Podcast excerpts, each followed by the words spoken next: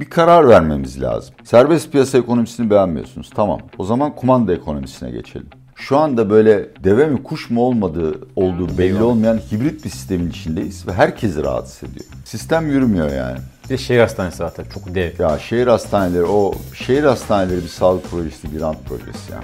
Devlet inatla kısa vadeli ve ihale getirisi her türlü enflasyon beklentisinin 10 misli altında kalan tahvil ihraç etmekte ısrar ettikçe kimse gelmiyor Türkiye'ye.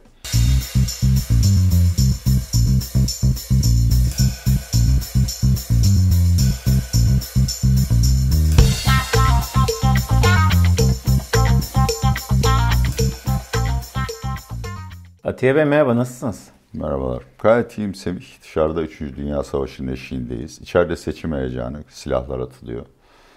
Adaylar protesto ediliyor, istifalar oluyor. Tam bana göre bir hava. Puslu hava. Evet, kirli, kirli kokusu alıyorum ve oradan para çıkartacağız. Hadi bakalım bol şans diyelim size. Ee, bu hafta ne konuşacağız? İstiyorsanız hızlıca onları söyleyeyim Lütfen. size. Barınma krizi Türkiye'nin uzun zamandır konuştuğu bir şey. Ee, eskiden iktidar bunu yok sayardı ama yeni yönetim, yeni isimler bu, ko- bu konudaki sıkıntıyı sık sık vurguluyor.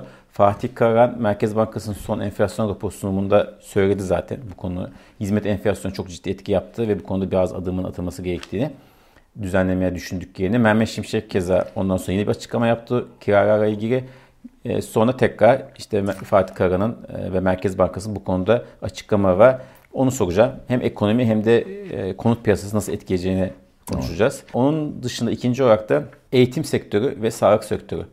AK Parti'nin esasında çok övündü. iki arandı. E, çok ciddi yenilik yaptıklarını söylüyorlardı. Ama bugün gelinen nokta en çok şikayetin olduğu iki aran olduğunu söyleyebiliriz. Bununla ilgili size bazı sorularım var. Onları soracağım. Ve formatta küçük bir değişikliğe gittik. 15 günde bir seyirci sorusu, 15 günde bir de benim kısa sorularım olacak. Senin kısa soruların olacak. Ve o yüzden de bu hafta benim kısa sorularım. İstiyorsanız Kiara başlayalım. Şimdi önce bir sorun tespit edelim. Ee, şimdi e, konut verileri açıklanıyor, konut satışları düşüyor. Konut fiyat artışlarında da zayıflama var. Enflasyon gerisine kalmaya başladı. Kiara'da da keza öyle bir yavaşlama var. Siz en son konut piyasası nasıl görüyorsunuz? Ondan sonra bu konuşulan adımları, Tamam. vergi işlerini konuşacağız. Konut piyasası çok sıkıntılı. Ee, tabii satışların düşmesi yanında bir de başka göstergeler var. Yani satışa çıkardığınız ev uzun süre askıda kalıyor artık. 2024 yılında devam edecek. Çünkü bu temel olarak faizlerle ilgili bir şey ve Merkez Bankası politika faizini arttırmasa da likidite yöntemleriyle mevduat faizleri yukarı çıkacak. Konuda talep azalacak. Bu inşaata da yayılır. Eğer bu kentsel dönüşüm gerçekçi proje değilse yani bahsedilen montanlar senede 100 bin, 200 bin yeni konutu inşa edilmesi projesi hayata geçirilemeyecekse ki bence finansmanı çok zor. O zaman inşaat sektöründe istihdam kaybı ve ciddi bir kriz görme olasılığımız var. Şimdi tabii kira sorunun boyutları çok farklı. Yani bu dünyanın her yerinde olan bir şey. Zaman içinde çeşitli nedenlerden dolayı popüler yerler değişiyor ve tabii ki konut stoğu kendini adapte edemiyor bu değişikliklere. Ama Türkiye'deki sorunun çok başka boyutları var. Bir, bu depremden sonra hala 600 bin belki 1 milyon insan dönmedi. Bunlar büyük kentlere yıkıldılar. Yalnız İstanbul'un değil Ankara'nın da örneğin sorunlarından biri. E, ikincisi tabii konut fiyatları yükseldiği zaman oradan elde edeceği getiriye göre kira ayarı yapmak istiyor ev sahibi. Üçüncüsü de hükümet enflasyonla mücadele etmek yerine süpermarket dövüyor. Soğan depolarını basıyor ve kiralara tavan koyuyor. Yani bu yöntemler Almanya'da, Amerika'da, dünyanın her yerinde denenmiş ve çok ciddi sıkıntılara neden olmuş. Türkiye'de de öyle. Yüz binlerce ihtilaflı ev sahibi ve kiracı var. Bir apartmanın içinde bir daire 1 lira, öteki daire 2,5 lira kira ediyor. Bu da bir sosyal sürtüşme yaratıyor. Bütün bunların çözümü aslında yani enflasyonu düşürmek. Nasıl faydası olacak diye sorabilirsin. Birincisi konut alımlarının bir kısmı enflasyona karşı koruma sağlamak amacıyla. Önce bir kere o gereksiz alımların tasfiye edilip konut piyasasının gerçek dengesine bulması lazım. İkincisi de yani kardeşim ev sahibi açgözlü vesaire olabilir ama bunları bir istisna olarak kenara koymak lazım. Ev sahibi de oraya yaptığı yatırımın karşılığını almak istiyor.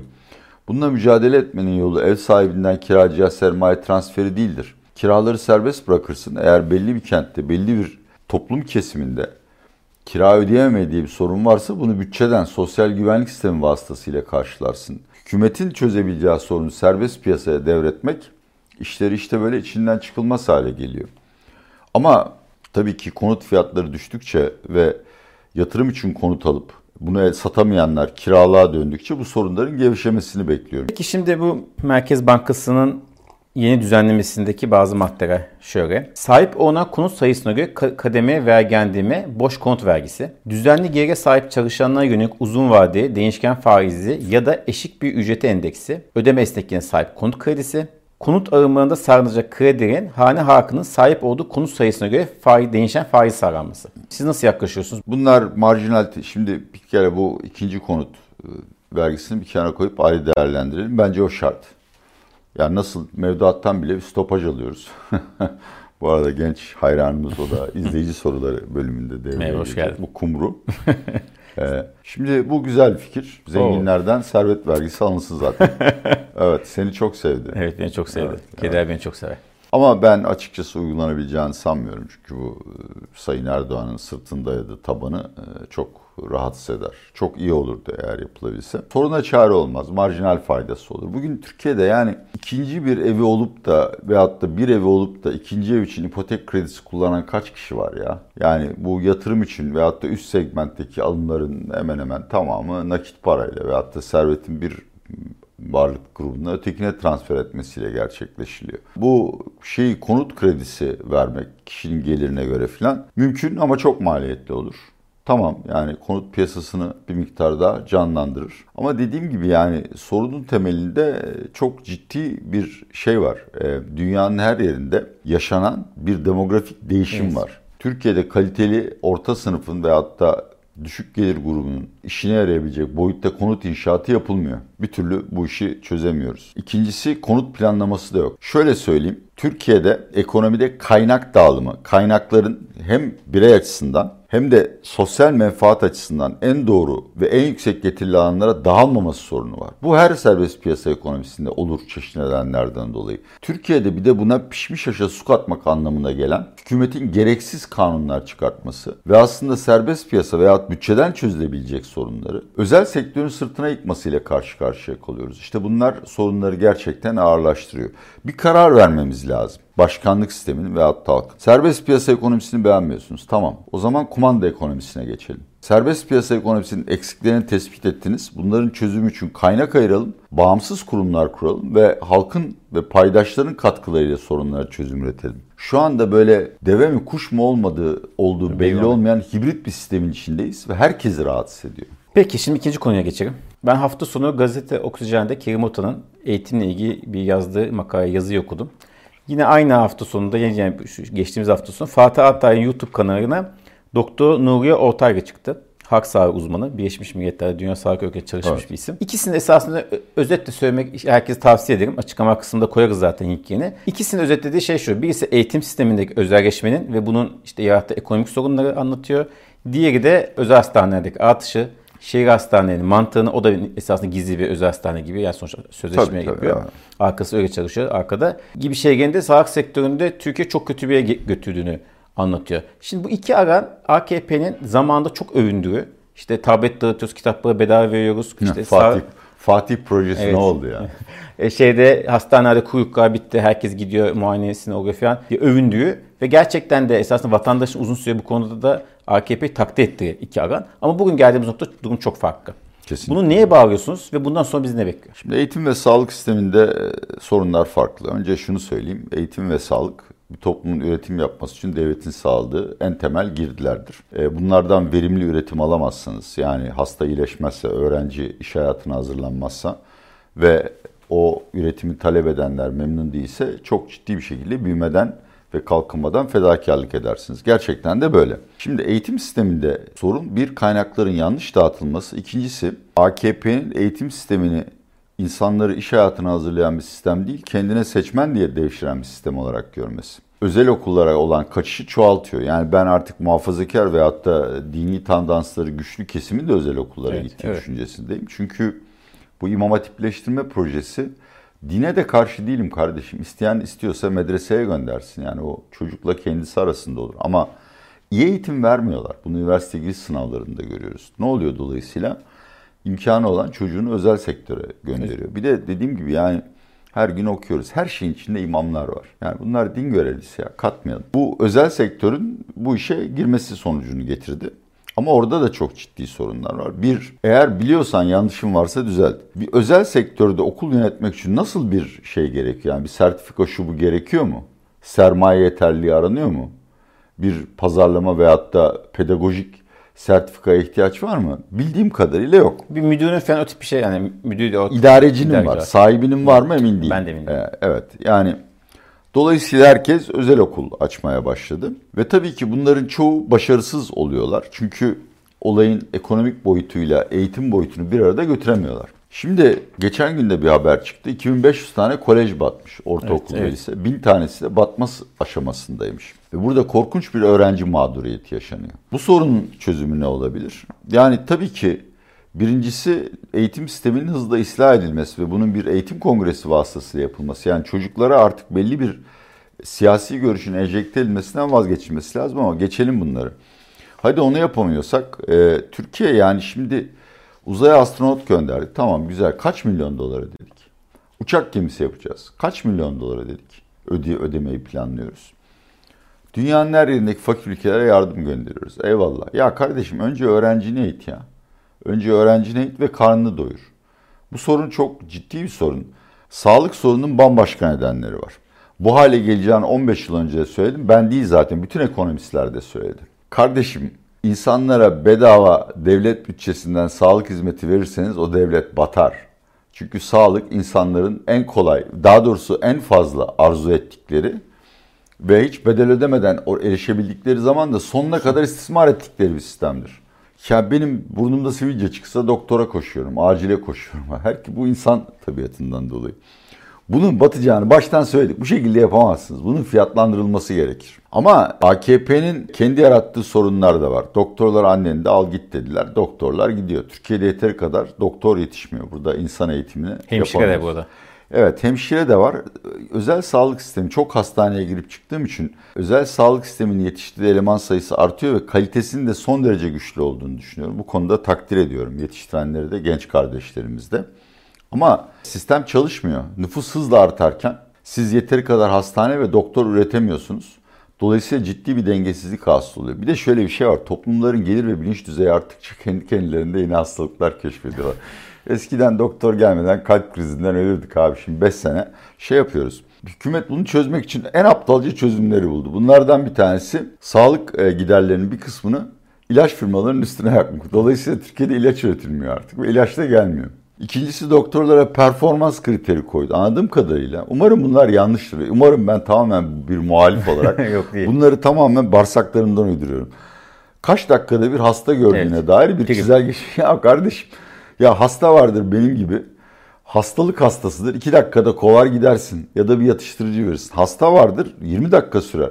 Sen bunu nasıl bir şey yapabilirsin? Banka gişesin bu ya. Aynen yani olacak iş değil ya. Bir de numara, numara alıyorsun zaten. Ve en önemlisi de yani bunun fonlamasını yapamıyorsun bir şekilde. Zaten senin bir yeşil kart sistemin var yani fakirler için. Benim gibi orta sınıf ve orta sınıf üstündeki herkesin daha fazla sağlık katkı payı ödemesi lazım.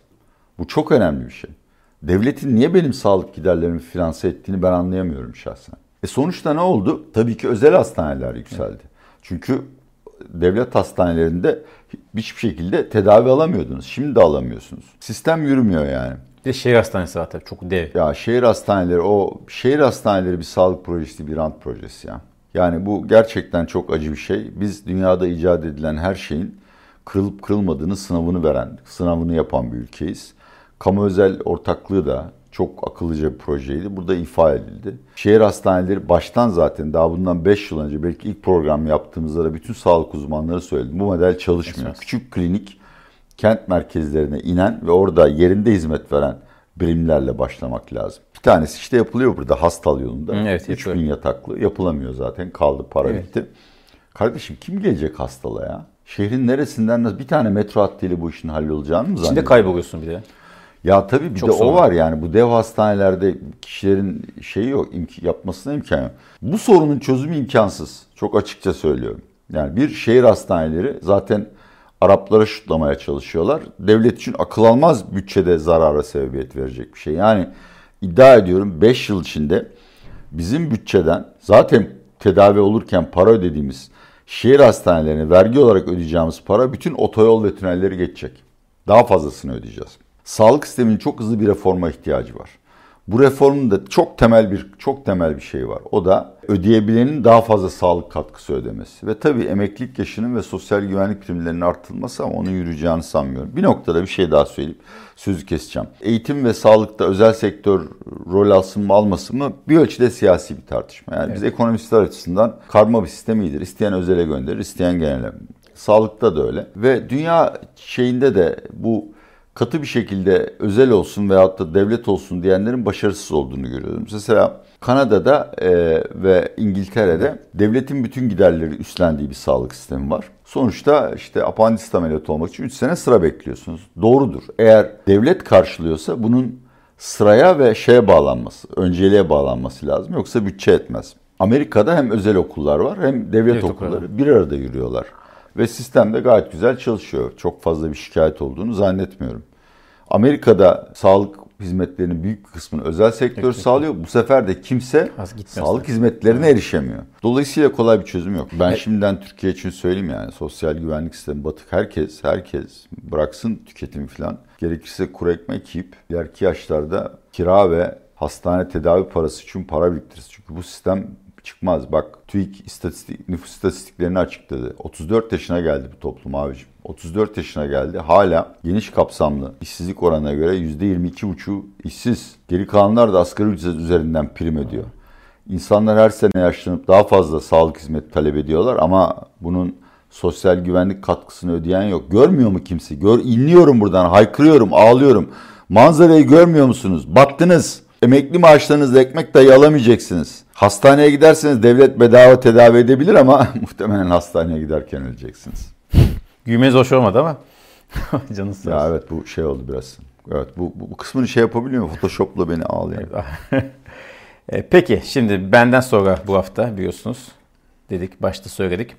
Önce hemen gündemi ilk maddesine geçeyim. Cari açık açıklandı. OVP'yi aştı ama 2023-2022'den daha iyi geçti. 4 milyar e, dolar yaklaşık. Aralıkta da beklentiden daha düşük bir cari açık geldi. Neye bağlıyorsunuz? Cari açık küçülecek mi artık? Yani cari denge pozitife dönecek mi? Pozitif derken Valla yani bu seçim olmasaydı Mehmet Şimşek o sorunu halletmişti. Biz ekonomistlerin baktığı bir alt gösterge var. Biz buna çekirdek açıklıyoruz. Altın ve enerjiyi dışlıyoruz. Oraya baktığınızda ki bu iç talebin göstergesidir. Oraya baktığınızda yeniden dengelenmenin gerçekleştiğini görüyoruz. Yani orası bayağı bir daralıyor. Fazlaya geçmiş hatta. Finansmanda da büyük bir zorluk çekmiyoruz. Yani şimdi herkes merkez müdahale ediyor, şudur budur diye şey yapıyor ama ödemeler dengesi istatistiklerine baksınlar. Aylık veya birikimli olarak 12 aylık cari açığın örneğin bir geçen Ocak ayında ne kadar Merkez Bankası rezervlerinden finanse edilmiş, şimdi ne kadar ediliyor? Merkezin elinin rahatladığını çok rahatlıkla göreceklerdir. Şimdi Semih'ciğim sabah kalkıyorum hükümet yeni bir vaatte bulunmuş.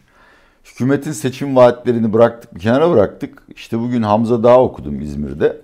Adam otoyollardan şeye kadar, yer altında otoparklara kadar milyarlarca liralık vaatte bulunuyor. Bunlar İzmir'in bütçe, benim de bütçem yetmez. Yani bir de öyle bir harcama var. 500 bin, 1 milyon, 2 milyon konut inşa edeceğiz. Abi bu nasıl olacak ya? Yani bunun şeyini nasıl karşılayacak devlet ve nasıl enflasyona mani Aynen, olacağız? Bunların hepsi enerji gerektiriyor. Nasıl cari açığı engelleyebileceğiz? Ama hadi bu süreci atlattığımızı varsayarsak Evet cari açık bu sene daralır. 30-35 milyar Altın ithalatındaki düşüşten dolayı da azaldı. Tabii yani o zaten hani eğer faizleri geçen sene %45'e çekserdi hiç altın ithalatı olmayacaktı. Altın ihracatı olacaktı ama işte devletin aklı böyle. Bir kalem var orada enteresan yalnız. Bizde net hata noksandan genelde para girer. Son iki veri ayında para çıkışı oldu. Bunun başlıca nedeni ben Rusların hesaplarını kapatmışız burada. Sanırım kapat öyle cart diye kapatmıyorsunuz tabii yani hesabınızı kapatın diyorsunuz. Sanırım onlar paralarını geri gönderiyorlar. Bir şey daha geçen sene galiba e, çok uluslu şirketlerin yurt dışına temettü transferi engellendi Şahap Bey sayesinde.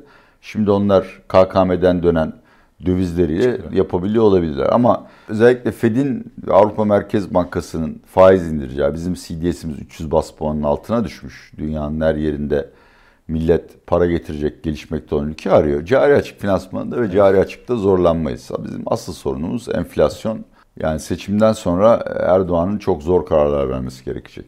Konuşacağız zamanı gelince onların hepsini. Biraz söylediğiniz ABD enflasyon açıklanıyor. Ama bizim video daha sonra yayınlanacak. Evet.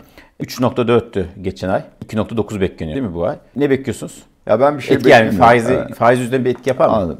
Yapmaz. Yani bu tabii ki piyasa haklı olarak veriye göre marjinal fiyat ayarlamalarını piyasa fiyatlarına yansıtıyor ama Fed açısından veyahut da Amerika'da faiz indirimi ne zaman başlar sorusu konusunda en önemli gelişme dün Bloomberg'te çıkan bir makaleden nakledildi.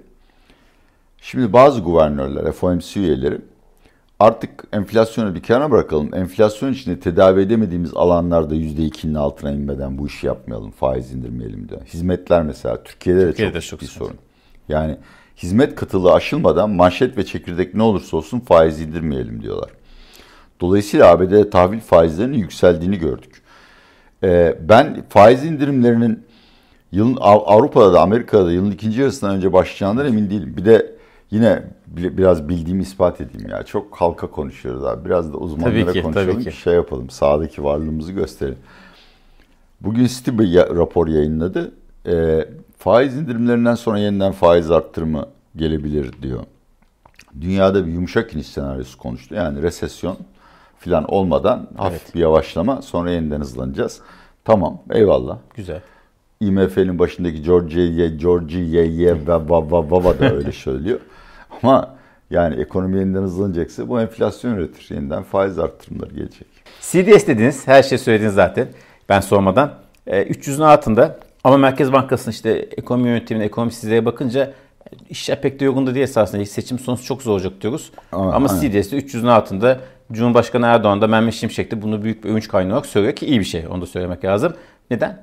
Ya bir gelişmekte ülkelere talep var. Yani e, orada e, şeyler, spreadler, CDS'lerde aldıkça biz de bundan yararlanıyoruz. İkincisi aslında CDS ve Euro tahvillerdeki rallinin bir kısmının bizim TL bondlarda ve hisse senetlerinde olması lazım. Ama devlet inatla kısa vadeli ve ihale getirisi her türlü enflasyon beklentisinin 10 misli altında kalan tahvil ihraç etmekte ısrar ettikçe kimse gelmiyor Türkiye'ye. Borsada da aynı şekilde bu halka arzlar ve enflasyon muhasebesi gibi belirsizlikler nedeniyle yatırım gelmiyor. Şunu demeye çalışıyorum.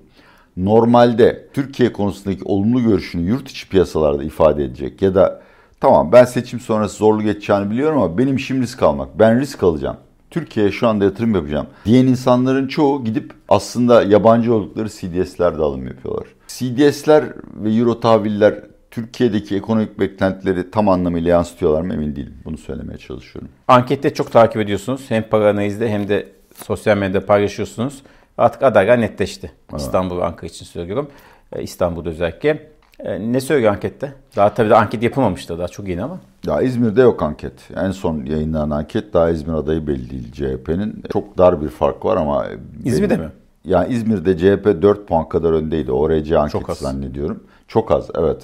Ama İzmir'in kaybedilmesi yani hem Türkiye için bir felaket olur hem de zannetmiyorum. Yani. Ben de. Bence oradaki şey İzmir, İzmir güzel İzmir. İnsanları ne yapacağını bilir. Ankara'da Mansur abi tulum çıkartıyor yani. Turgut Bey güzel bir tatil yapsın çünkü boşuna uğraşmasın yani o maç çıkmaz. İstanbul'da e, başa baş.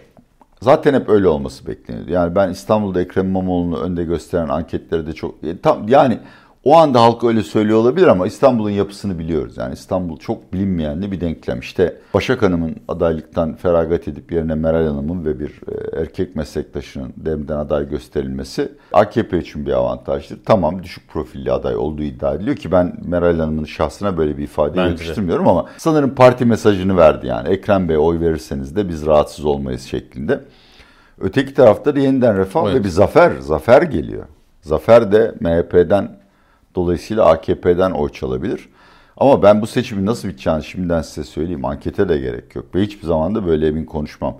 50 bin veya altında oy farkıyla şöyle veya böyle bitecek. Ve sonra Sayın Erdoğan her zaman yaptığı gibi seçimi çalacak. Tabii bu tamamen bir spekülatif bir şey ama ittifakka dağılmamış olsaydı Ekrem İmamoğlu çok rahat kazanırdı. Tabii demin desteğinin de alınması. Yani tabii geçen sene 2019 gibi seçime Evet. girseydi muhtemelen Ekrem İmamoğlu veya muhalefet cephesi yine aynı şekilde tulum çıkartırdı. Şu an kazandığı her yer kazandı. Yani Kesinlikle. Daha fazlasını da üstüne Daha fazla ilave edebilirdi. Tabii Çünkü bir de hayat pahalılığı sonra evet var. ama tabii bu yani olacak bir şeydi.